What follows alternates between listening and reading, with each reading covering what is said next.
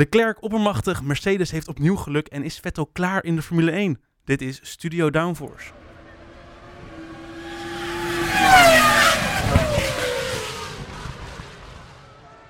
Hallo allemaal en wat leuk dat je luistert naar een nieuwe aflevering van Studio Downforce. Aflevering 5 alweer, waarin we gaan terugblikken op de Grand Prix van Australië. Tegenover mij zit Elias. Hey Bram. Hallo Elias. En aan de andere kant tegenover mij zit Lies. Hallo Lies. Hi. Hallo.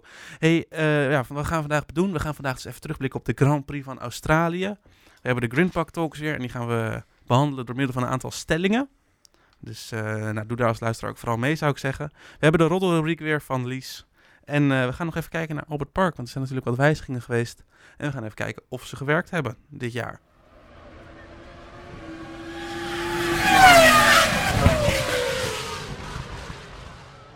We beginnen de aflevering zoals gezegd met de terugblik op de vorige Grand Prix. De Grand Prix van afgelopen weekend, de race in Melbourne, Australië.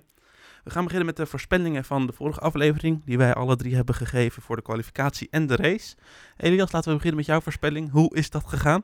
Eh, niet best. Nee? Eh, mijn kwalificatievoorspelling dat was Verstappen op 1, Leclerc op 2 en Ricciardo op 3. Nou, ik heb ze allemaal fout, dus 0 punten voor mij. Fijn dat je zo direct bent erover. Ja, ja. Maar ik moet wel direct- zeggen, we hadden, we hadden van tevoren gezegd, Ricciardo, oké, dan moet er een rectificatieblokje komen. Was Ja. niet nodig. Want Ricciardo zat gewoon in Q3, gewoon erbij. Ja, Dus dat en hij had ook een prima race uiteindelijk. Precies. Ja. Nou, en voor de race? Voor de race had ik Verstappen, Perez en Leclerc. Nou ja, we weten allemaal, Verstappen is uitgevallen, gaan we het zo nog over hebben. Mhm. Leclerc, die won de race, dus die heb ik eigenlijk bijna een soort omgedraaid. Ja. Die stond op P3 bij mij, maar Perez had ik wel goed. Dus, puntje voor mij. Precies, één puntje. Netjes. Nou, dat is eh, één punt voor je, jouw voorspellingen voor dit weekend. Dan gaan we naar Lies toe.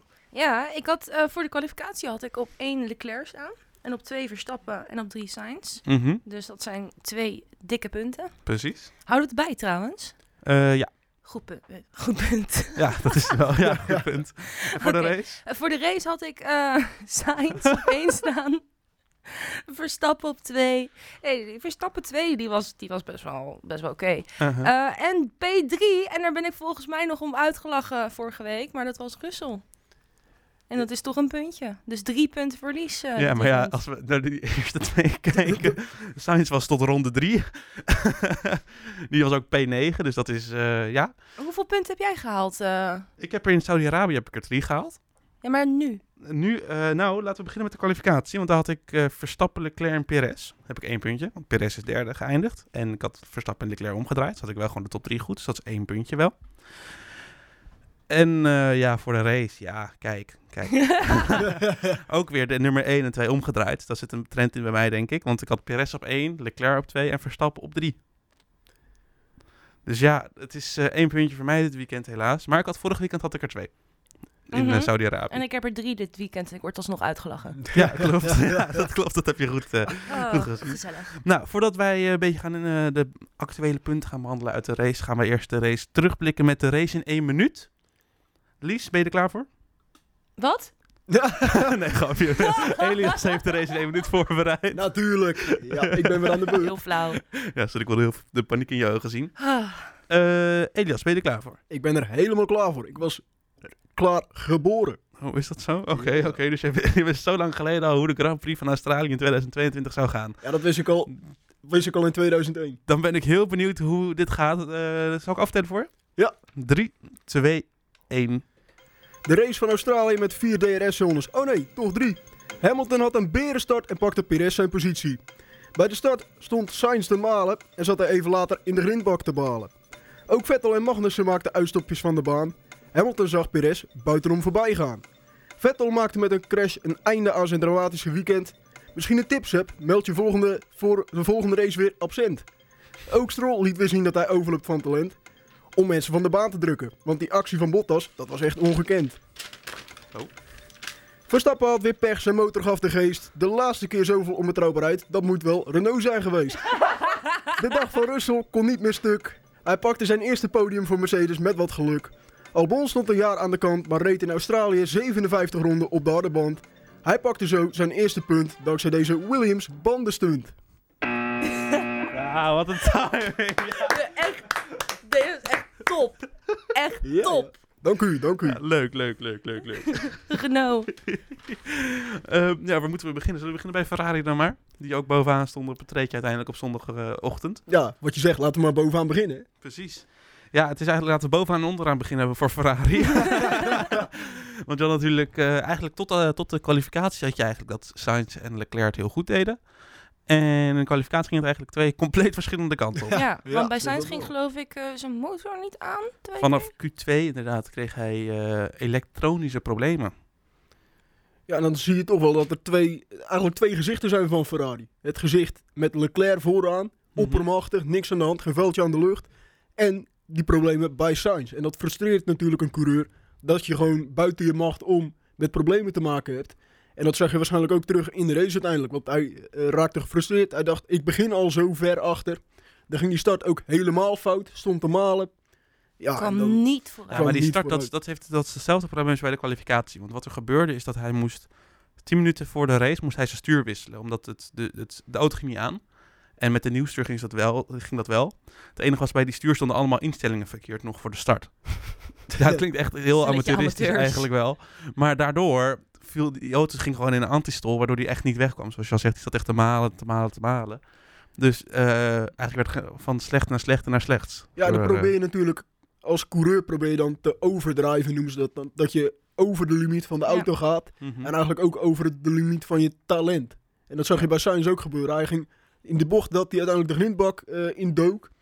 Ja, hij had, hij had gewoon veel te veel snelheid mee.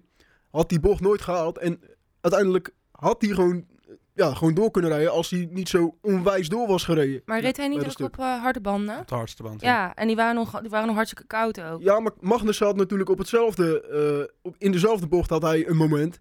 En hij haalde het uiteindelijk wel. Hij raakte niet in de grindbak. Ja, Dus als hij iets meer had iets onder controle, ja. Maar dat soort foutjes heb je ook wel bij eh, Leclerc gezien de afgelopen jaren, moet ik zeggen. Dat je ook dat je ziet dat hij die auto aan het overdrive is. Eh, Duitsland 2019, die regenrace. Daar zie je ook dat, dat als je te veel pusht, al helemaal dan bij Ferrari, dan gaat het mis. Maar eh, ja, waar het dus bij Sainz heel erg eh, dramatisch ging en de drie rondjes volgens mij al klaar was, ging het bij Leclerc echt eh van een leien dakkie als het ware. Een Ja. Grand Slam hebben we ook lang niet meer gezien van, van de Formule 1 volgens mij. Nee, dat is wel een tijdje Dat is wel, geleden. was dat niet Verstappen zelf?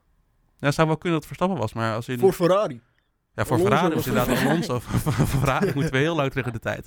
Maar eh, die Grand Slams moet ik altijd denken, dat is een beetje toen ik begon met Formule 1 kijken. Toen had je altijd Grand Slam voor Rosberg, Grand Slam voor Hamilton. Omdat die natuurlijk Ja. echt gewoon eh, geen concurrentie hadden. Maar dat is nu weer zo snel in 2022. eh, Zo vroeg in het seizoen. Ja, precies. Ja. Wat, kan je Elias snel uitleggen wat een Grand Slam inhoudt? Een Grand Slam, dat is eh, de snelste ronde van de race. De pole position. Alle eh, ronden aan de leiding van de race. Ja, voor mij heb je Ja, wel. dat is hem volgens mij. Dus ja, dat is wel, dan ben je- echt met eh, overmacht win je dan wel een race als, eh, als je dat lukt. ja, dat is toch wel een teken van machtsvertoon. Dat je toch even je spierballen laat zien van... Hé, hey, kijk mij nou. Precies. Ik ben de baas. Ja. Ja, en eh Lies, hoe heb jij naar de race gekeken? Ook gewoon voor dat je Ferrari zoveel... Ja, nou ja, ik vind het top dat Ferrari weer vooraan staat. Maar Mhm. ik ben het nu wel na drie races wel weer een beetje zat.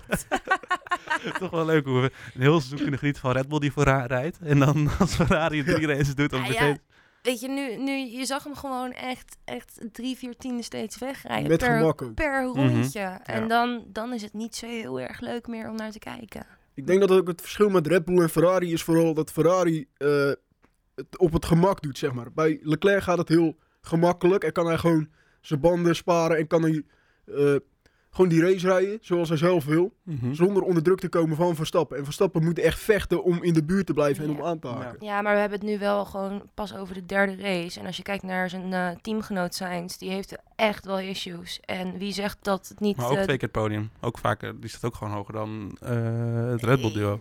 Ja, dat is waar. Ja, Red Bull is helemaal om te janken. Maar dat is weer een ander verhaal. Maar het is gewoon... De betrouwbaarheid is er nog steeds niet. Weet je, want wie zegt niet dat, eh, dat Leclerc degene is die eh, de volgende twee races pech heeft? Ja, het is hoewel, echt nog heel vroeg om, om iets erover te Ja, zeggen. dat- ja, klopt. Maar ik denk ook wel de problemen die Sainz had. Als in, het was echt voor mij een heel klein elektronisch probleem. Heel lullig klein. Zijn niet op, op de grootte dat Red Bull heeft. Want Red Bull heeft natuurlijk met hun eigen motoren... Want het is allemaal motorisch. Ook voor Alfa Tauri is het allemaal motorisch. Niet alsof eh, de eh, ophanging kapot gaat of dat er een elektrisch probleem is. Het is allemaal brandstof, motor, allemaal die technische dingen. Dus ik denk wel dat eh, de omvang daarvan, die is wel wat groter dan ze bij Ferrari hebben. Dat ben ik zeker met je eens. Dus jij zegt, Red Bull Powertrains zit in de problemen. Dat is inderdaad wat ik hiermee impliceer, ja. ja, dat, eh, ik denk dat we dat wel kunnen zeggen. Omdat het niet alleen, je hebt natuurlijk in Saudi-Arabië had je het Tsunoda die echt voor geen meter vooruit kwam in de kwalificatie en de race. In, eh, in Bahrein viel volgens mij iedereen behalve Tsunoda uit met motorproblemen. Eh, toen viel Gasly trouwens ook uit met vuur. Tsunoda, Denk ik start, ook. Ja. Tsunoda startte niet eens in Saudi-Arabië. Ja, in Saudi-Arabië. En eh, nu heb je in Australië dat Verstappen uitviel met een vuurtje in de achterkant van zijn auto. Dus Ja, ik moet je zeggen, ik heb afgelopen weekend toch wel even gedroomd over het Renault-tijdperk. Het was meer nachtmerrie. dan is het echt, dat zijn we wel heel ver weg. Als je droomt over het Renault-tijdperk van Red Bull. Zwetend. Ja, nee, maar echt badend in het zweet, tranen op mijn ogen. ja, is het zo erg? Ja, dat is toch drama dit. Ja. Dit, dit kan echt niet. Waar denk je dat het aan ligt? Ik denk dat het wel eh, dat Honda nu echt weg is. Dat ze nu minder die samenwerking hebben met ze. Maar in principe... Ik denk dat ze gewoon de limiet hebben opgezocht met die motor. En dat ze gewoon gegokt hebben en nu op de bladen moeten zitten. Ja, Maar het is toch gewoon in principe eh, nog steeds een Honda-motor? ja maar wat mij heel erg opvalt, ook Ja. bijvoorbeeld in een raceweekend, inderdaad andere naam, maar eh, je ziet die, eh, Honda-personeel niet meer rondlopen in de garage. Nee, Dat, dat is wel één ding wat mij echt opvalt. Dat ik denk van, huh? Als in, volgens mij is het vooral achter de schermen dat ze nog samenwerken. En volgens mij worden de motoren ook nog gemaakt in Japan en worden daarna overgevlogen naar Engeland. Maar het- er is wel, het Japanse personeel is er niet meer. Maar dat is dan dus het grote probleem eigenlijk. De, de mensen die kennis hebben van de motor, die zijn er niet meer. En is dat dan, inderdaad wat je zegt, is dat dan te vroeg? Hebben ze dan misschien iets meer hulp nodig eh, eigenlijk om die motor te ontwikkelen? Ja. En is, is het dan gewoon te vroeg voor Red Bull? Ik denk, ik denk van wel. Ik denk Ja, dat ze gewoon op- op te dat- vroeg op eigen benen geprobeerd hebben om die motor te doorontwikkelen en betrouwbaarder te maken. Dan moet je echt gewoon vakmensen voor hebben. Moet je echt specialisten in hebben. En nou ja, blijkbaar is Red Bull dus nog geen specialist daarin. Nee, maar het is toch ook nooit hun eigen keuze geweest om te stoppen met Honda? Nee, dat, dat is is ook zeker waar. Ja, dat klopt. Ja, dat klopt. Dat klopt, dat klopt. Ja, maar goed, laten we hopen dat inderdaad dan eh, dat het wat beter gaat eh, lopen de komende tijd. Want eh, er zou iets moeten gebeuren, wel willen ze nog een kans maken op de kampioenschap. Nou. We vergeten wel even Perez. We moeten toch even, ik bedoel... Ja, tuurlijk. Ja, dat zit Perez heel goed. Maar het, het- als je kijkt naar het team, dan heb je, je hebt twee coureurs nodig om kampioen te worden. En een goede Perez natuurlijk. motor. En Perez Ja. natuurlijk als tweede coureur afgelopen jaar. En ik durf nu wel te zeggen dat het gelijke coureurs zijn voor het begin van dit jaar in ieder geval. Scoort hij wel gewoon de punten binnen als Verstappen dat niet doet. En dat hebben we afgelopen jaren bij de coureur naast Verstappen bij Red Bull gezien dat dat ook heel vaak niet gebeurde. Ja. hm. Dus dat, in principe is dat wel weer heel goed.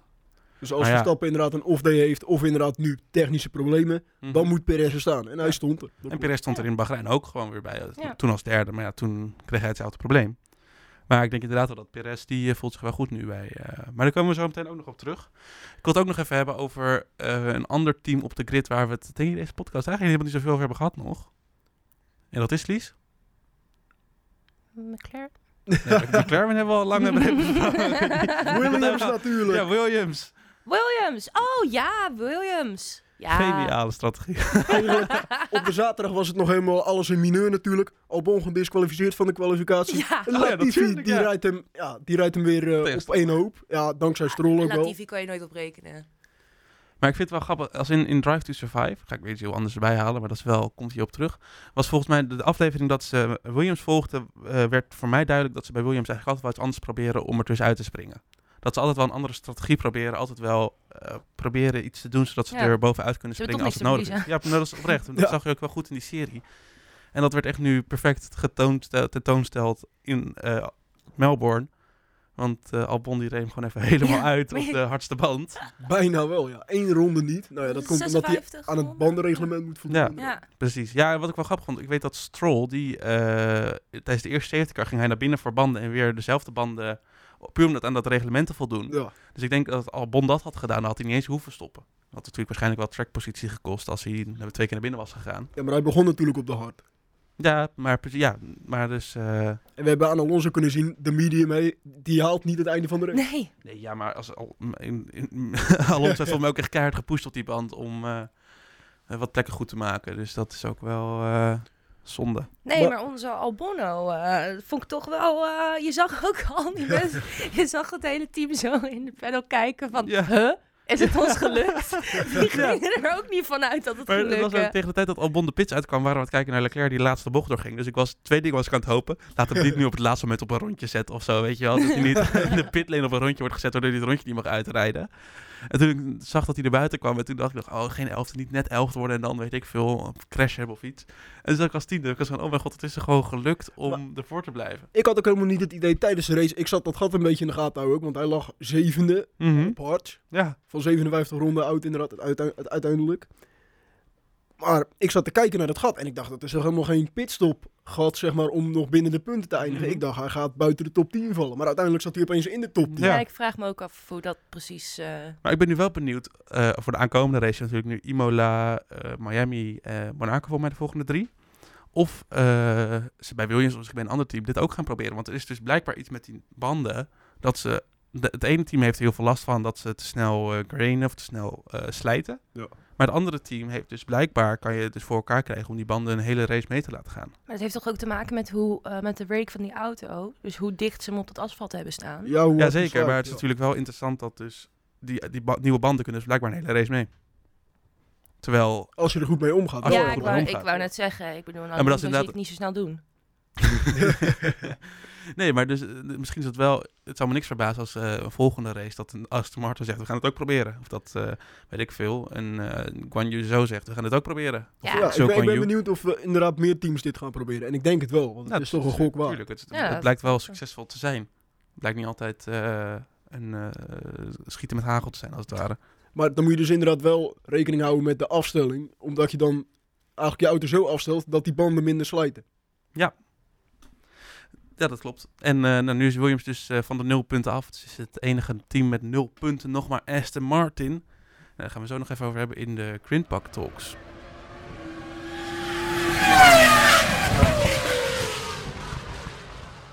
We gaan in Grindpak Talks kijken naar de rest van de grid. En eigenlijk ook dingen bespreken die misschien niet op tv zijn geweest. Of weinig op tv zijn geweest. Normaal zouden we dat doen door gewoon een aantal teams te benoemen en daarover te hebben. Maar we gaan dat vandaag even net wat anders doen. We, gaan namelijk, we hebben een vijftal stellingen. En eh, die zal ik wel eventjes op tafel gooien. En dan mogen, gaan we erover discussiëren of we het hiermee eens zijn of niet. En waarom dat zo is. Dus eh, zijn jullie klaar voor Lies en eh, Elias? Altijd. Ik ben er helemaal klaar voor ook. Nou, zal ik dan beginnen met de eerste? De eerste stelling. Mercedes komt het best uit Melbourne. Z- Jullie mogen eerst zeggen of jullie het mee eens zijn of niet. Lies? Dames voor. Eens? Oneens.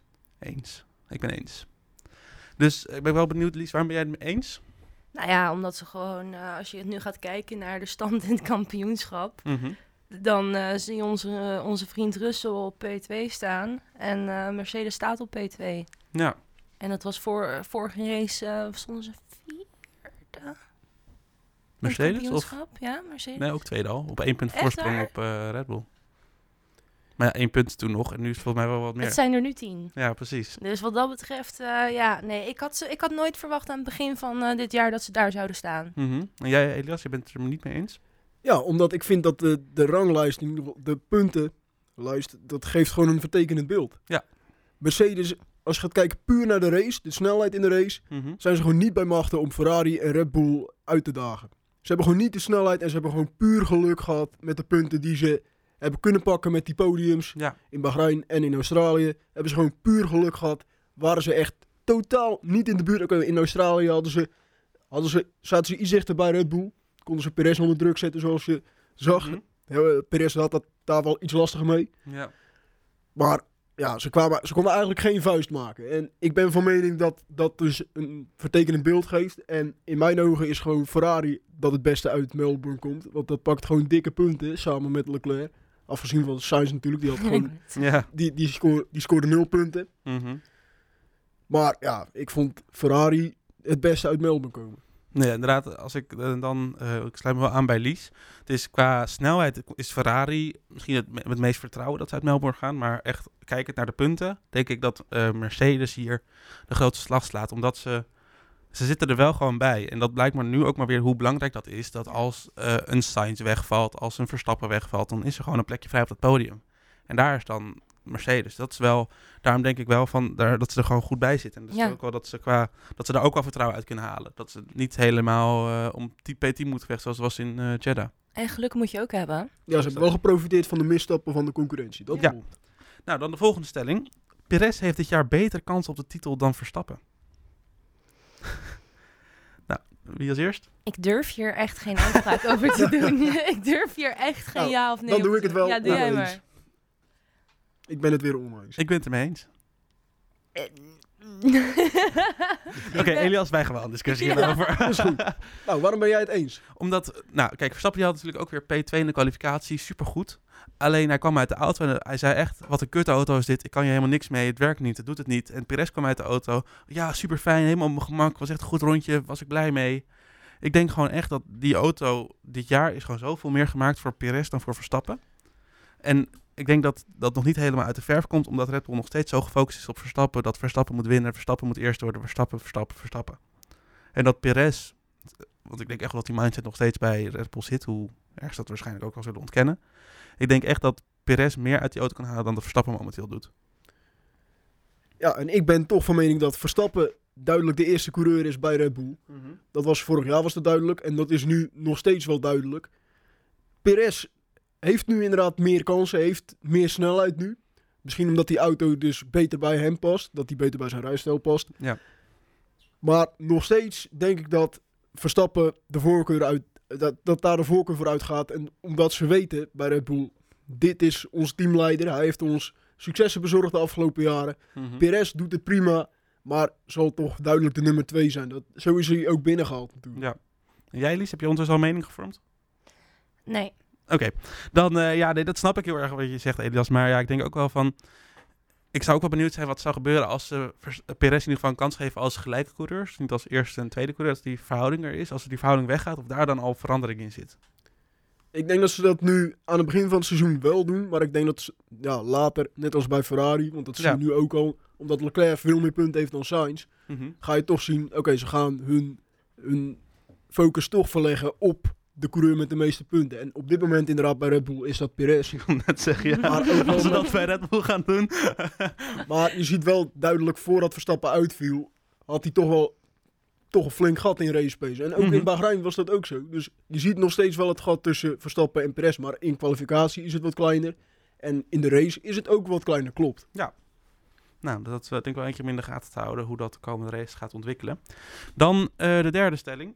McLaren gaat dit jaar een race winnen. Ja, Oneens alweer. absoluut eens. Oneens.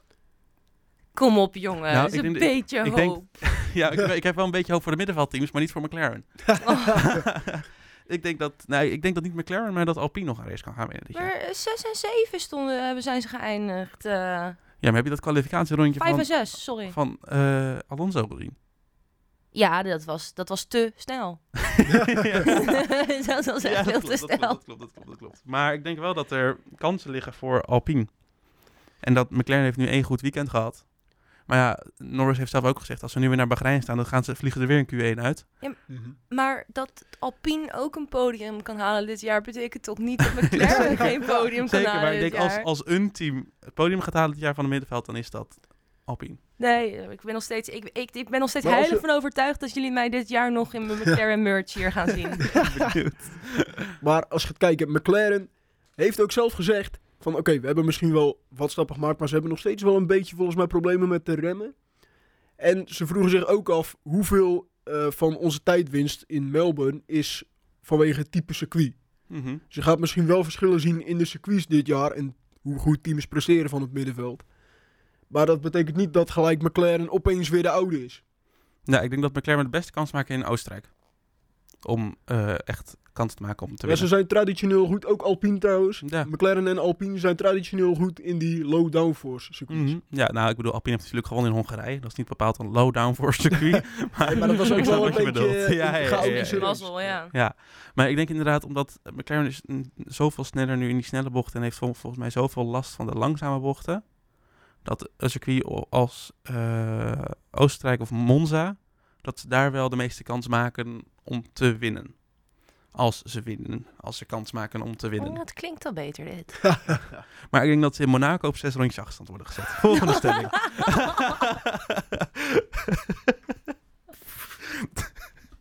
Dit- Dit jaar is het laatste jaar voor Vettel en Alonso. Oneens.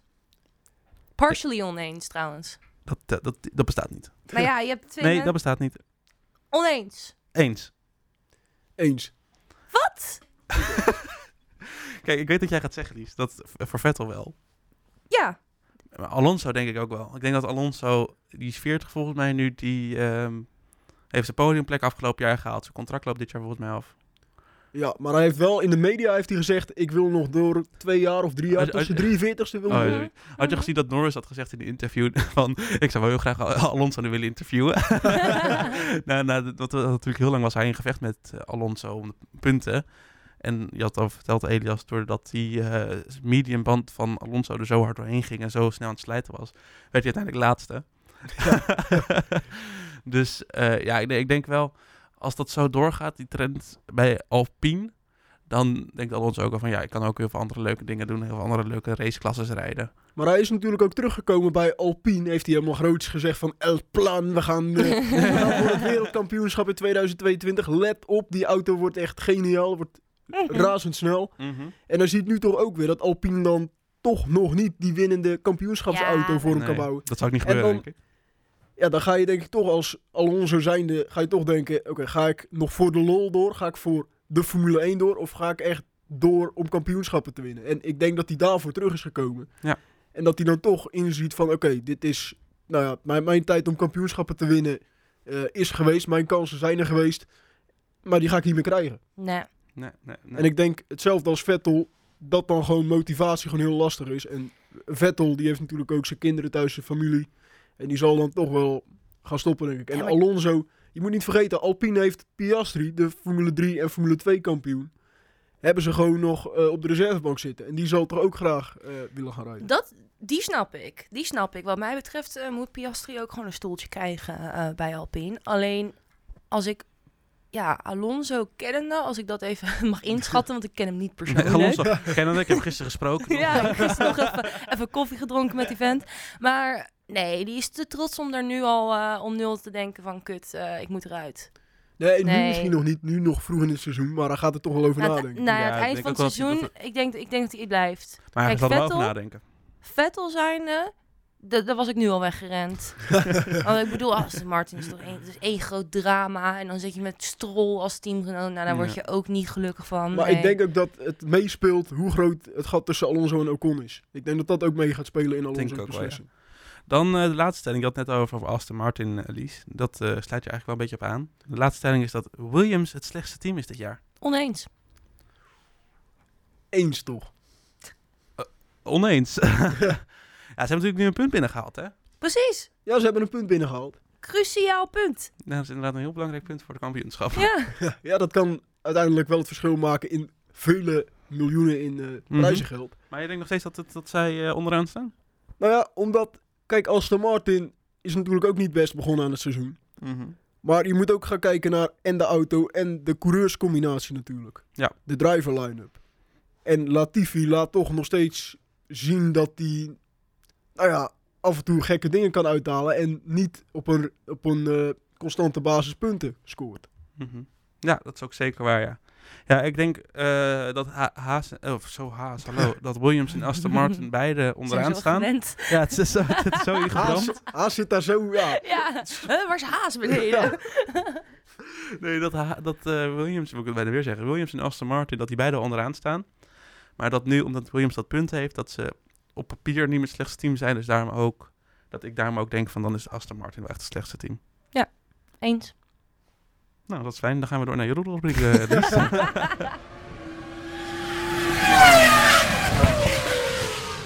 In Melbourne was er ook weer genoeg te doen buiten, buiten de paddock om en buiten het circuit om, hè, Lies. Mhm. In jouw roddelrubriek, ik zie je hier staan, goed gevuld. Altijd. dus altijd. eh, ik eh, laat je aan het woord. Dankjewel, dankjewel.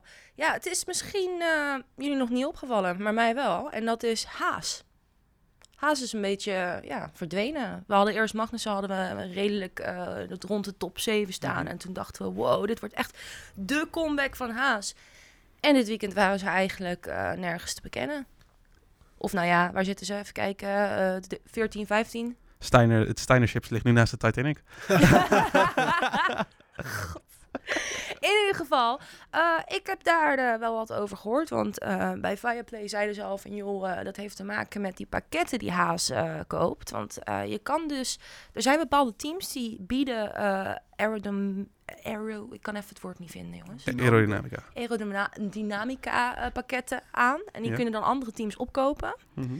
Eh, en ja, Haas doet dat al jaren. En nu schijnt dat er toch wel andere teams een beetje aan het zeiken waren. Van ja, luister, die Haas die lijkt qua aerod- aerodynamica veel te veel op de Ferrari.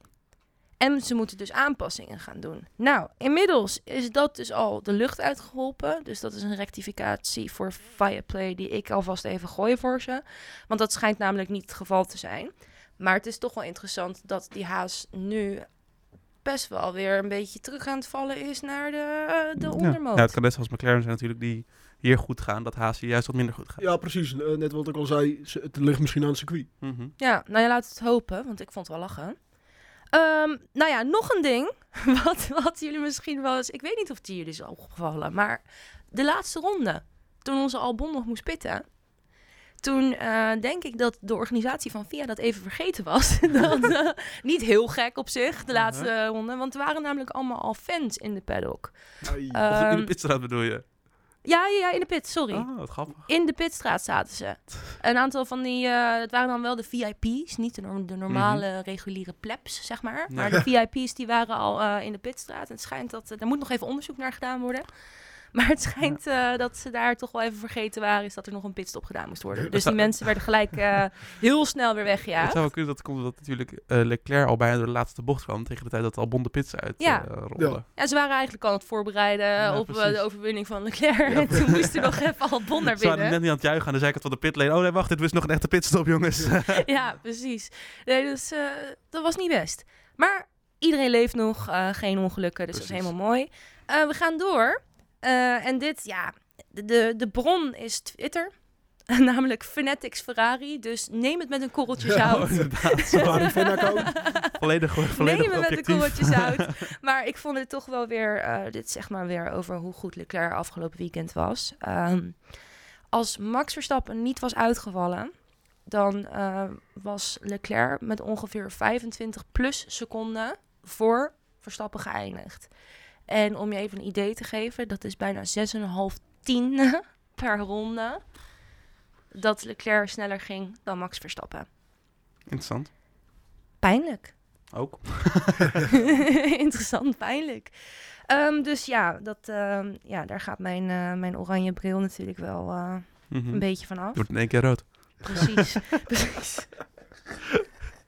En we gaan door. We gaan door tot slot. Of nou ja, eh, tot slot en daarna de duimtrofee. Tot slot en daarna tot, tot, tot slot. Daarna, ja, eh, voor eh, pre tot slot. Ja. Jeetje, wat gaat het lekker weer. Ehm, er was het EK karten afgelopen weekend. En ja... Meegedaan, Elias? Nee, eh, ik kon helaas niet. Ah, jammer. Oh, je was niet, eh, niet geselecteerd of zo? Of, eh? Nee, nee, nee, ik had geen tijd, dus ik zei jongens, ga Oh, maar zonder ja. mij rijden. Ja, nee, snap ik. Snap ik. Nee, ja, het is ook eh, het EK. Ja, dat is niet belangrijk. Nou, er deed dus een 15-jarige Russische eh karter mee. Wat ik sowieso wel interessant vind, want volgens mij mag er geen enkele Rus nu überhaupt aan een Ja, kampioenschap je mag of wat onder een ook. neutrale vlag en dan mag je niet uit. Moet je zeggen dat er oorlog is en dan is het Ja, andere maar politiek. eh, de Paralympische Spelen mochten toch ook eh, Russische... Die werden helemaal niet toegelaten. Nee, maar er is wel, is wel een bepaalde regeling voor dat je als Rus onder de eh, VIA-vlag mee mag doen. Nou, in ieder geval, er was een Rus. Ehm, onze, eh, ja, sorry eh, voor mijn Russisch alvast, maar de, eh, 15 jaar. Hij, zijn naam is Artem Severiukhin. Dat, dankjewel, Eet smakelijk. dankjewel. En eh, die stond op het podium en die deed vervolgens een Hitlergroet. Oei. Nou, eh, is het misschien toch sowieso al eh, best wel gevoelig als je op dit moment eh, een Rus bent. Ja. Laat staan eh, dat je op een podium, eh, en het werd ook gewoon uitgezonden in Europa, dat je even een eh, Hitler goed doet. Eh, heeft inmiddels zijn excuses aangeboden, maar eh, zijn team heeft toch besloten om hem maar te laten gaan. ja, dat snap ik wel. Goh, raar. Eh, Tot Nou, slot. nu, wel, nu wel echt tot slot. De duimtrofee. Dit, heb Ah, ik, eh, dit hebben we van tevoren hebben we dit niet overlegd. Omdat ik er eigenlijk wel van uitging dat jullie het met me eens zouden zijn. Ja. De duimtrofee van dit weekend die moet gewoon naar Vettel. Toch? Alexander Albon. Albon. Ja. Die heeft echt die heeft een punt gescoord waarvan zijn strategisten niet eens wisten dat het mogelijk was. Precies. Die hoeft niet als Hamilton te vragen, krijgen we een punt voor deze plek? Nee. Nee, Dus, eh, Die wist duidelijk. eh, Had je nog gehoord dat, de- dat, is de, Ja. dat de, eh, de engineer van Albon zei P11, P11, goed gedaan, goed gedaan. oh nee, wacht, P10, P10. ja, die, hadden, die, wist, die ook niet van uit. Het is echt briljant. Nou, Briljant. nou, dus dan hebben we het nu Ja. in, eh, wat is het? Bahrein de duimtrofee voor Schumacher op P11. In eh Jeddah was het de duimtrofee voor eh Tsunoda. Tsunoda. Ja, dat was na, naar de kijker, de luisteraar die beslist. Mhm. En eh, dan nu Albon. Ja, terecht de winnaar van de duimtrofee. Dat denk ik ook. Dan gaan we door naar de analyse van Albert Park.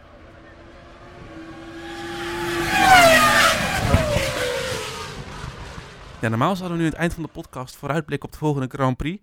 Het fijne is alleen, we hebben geen Grand Prix dit weekend. Of is dat fijn? Het ja, fijne? het is wel lekker toch? Even een weekendje niks. Paas, E- even paasweekend. bijkomen ook, ja. Ja, Ah, wel even bijslapen. Precies. Ja. Dat wel. Ja, het was inderdaad vroeg weekend. Maar we gaan eh, nog even verder terugblikken, namelijk op het circuit van Albert Park. We hebben het eh, benoemd vorige podcast. Er is best wat veranderd. We gaan die verandering niet allemaal nog een keer bespreken. Dat vind ik namelijk te veel Hm. werk. We gaan wel hebben over of de veranderingen hebben gewerkt.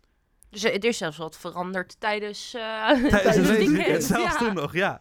Ja, want het begon met eh, vier DRS-zones. Ja. En we gingen dat is, eh, slapen. best wat. We gingen slapen en ik werd wakker. Had de kwalificatie met drie DRS-zones. ik, ik werd wakker, ik zet de kwalificatie aan. Ja, drie DRS-zones. Ik was, huh? wat heb ik gemist? Ja. ja. Dus, eh, maar eh, laten we beginnen met algemeen. Er is natuurlijk veel aan de bochten veranderd. Heeft het gewerkt? Ik denk van wel. Lies? Ik denk ook van wel. Nou, dat is mooi, want dat denk ik ook. en nu eh, ben ik natuurlijk wel de journalist in mij. Dacht ik ga even feitelijk kijken de of het heeft gewerkt. Precies.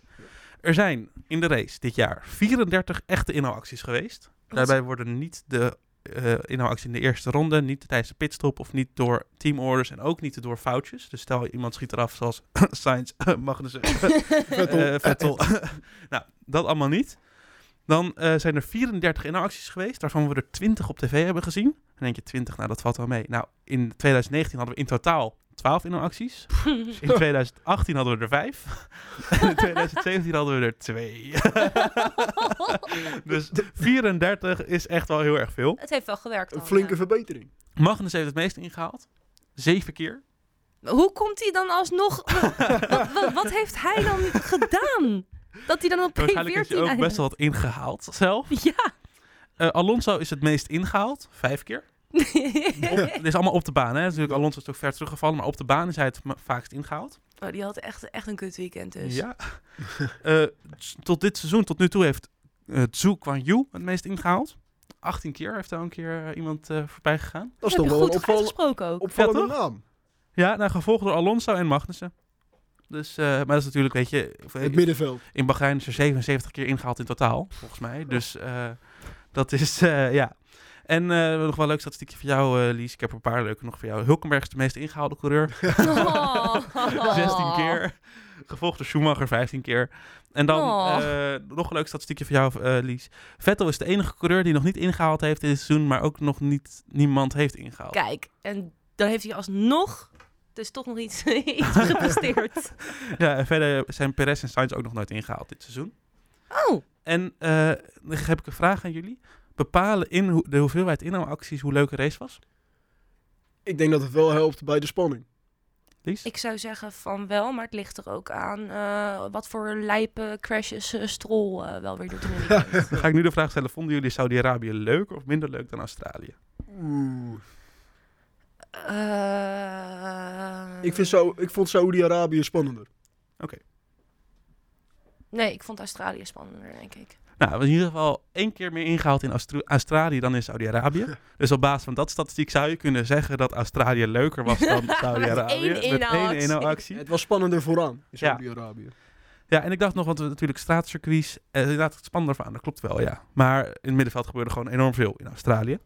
En ik dacht, ik ga even kijken, straatcircuits, wordt daar nou überhaupt al veel ingehaald? Is 34 inhaalacties dan veel?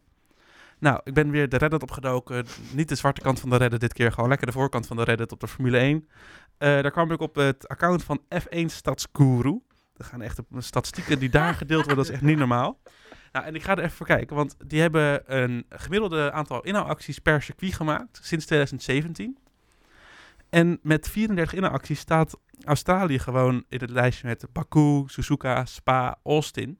Hm. En ik dacht, dan ga ik even kijken van, is dan een staatscircuit, is dat normaal dat altijd heel weinig inhoudacties?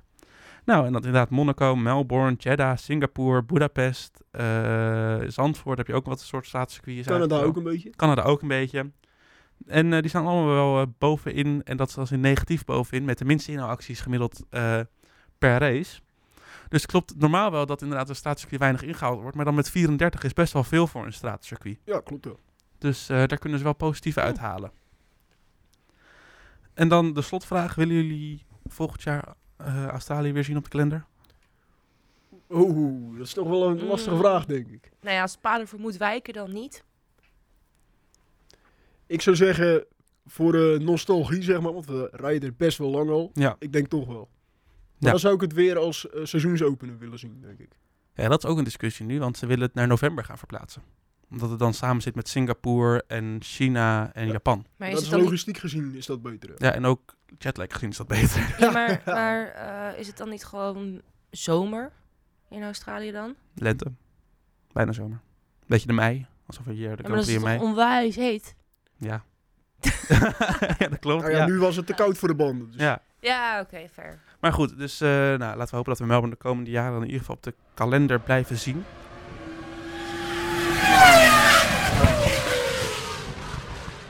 Volgende week gaan wij naar Imola toe. Tenminste, wij niet naar Imola toe, maar dan gaat de, vooruit, de, de, blik, Gingen we maar naar een dan gaat de blik naar Imola toe. Dan gaan we die eh, Grand Prix voorbeschouwen. De race die vorig jaar gewonnen werd door, Max Verstappen. precies, en waar Hamilton gered werd door een rode vlag. Omdat Russell en Bottas dachten, we gaan elkaar nu even zoenen. Oh ja! en het jaar daarvoor waar Verstappen de bak in de grindbak inschoot. eh, Ja, die wist ik Vanaf de tweede nog wel. Maar eh, dat is in ieder geval weer genoeg om, over te, eh, om naar vooruit te kijken. En eh, nou, ons hoor je dan gewoon weer volgende week voor de zesde aflevering alweer. Dus hopelijk tot dan. Dankjewel Elias. Ja, dank je. Dankjewel Lies. Jij bedankt. En eh, tot de volgende keer.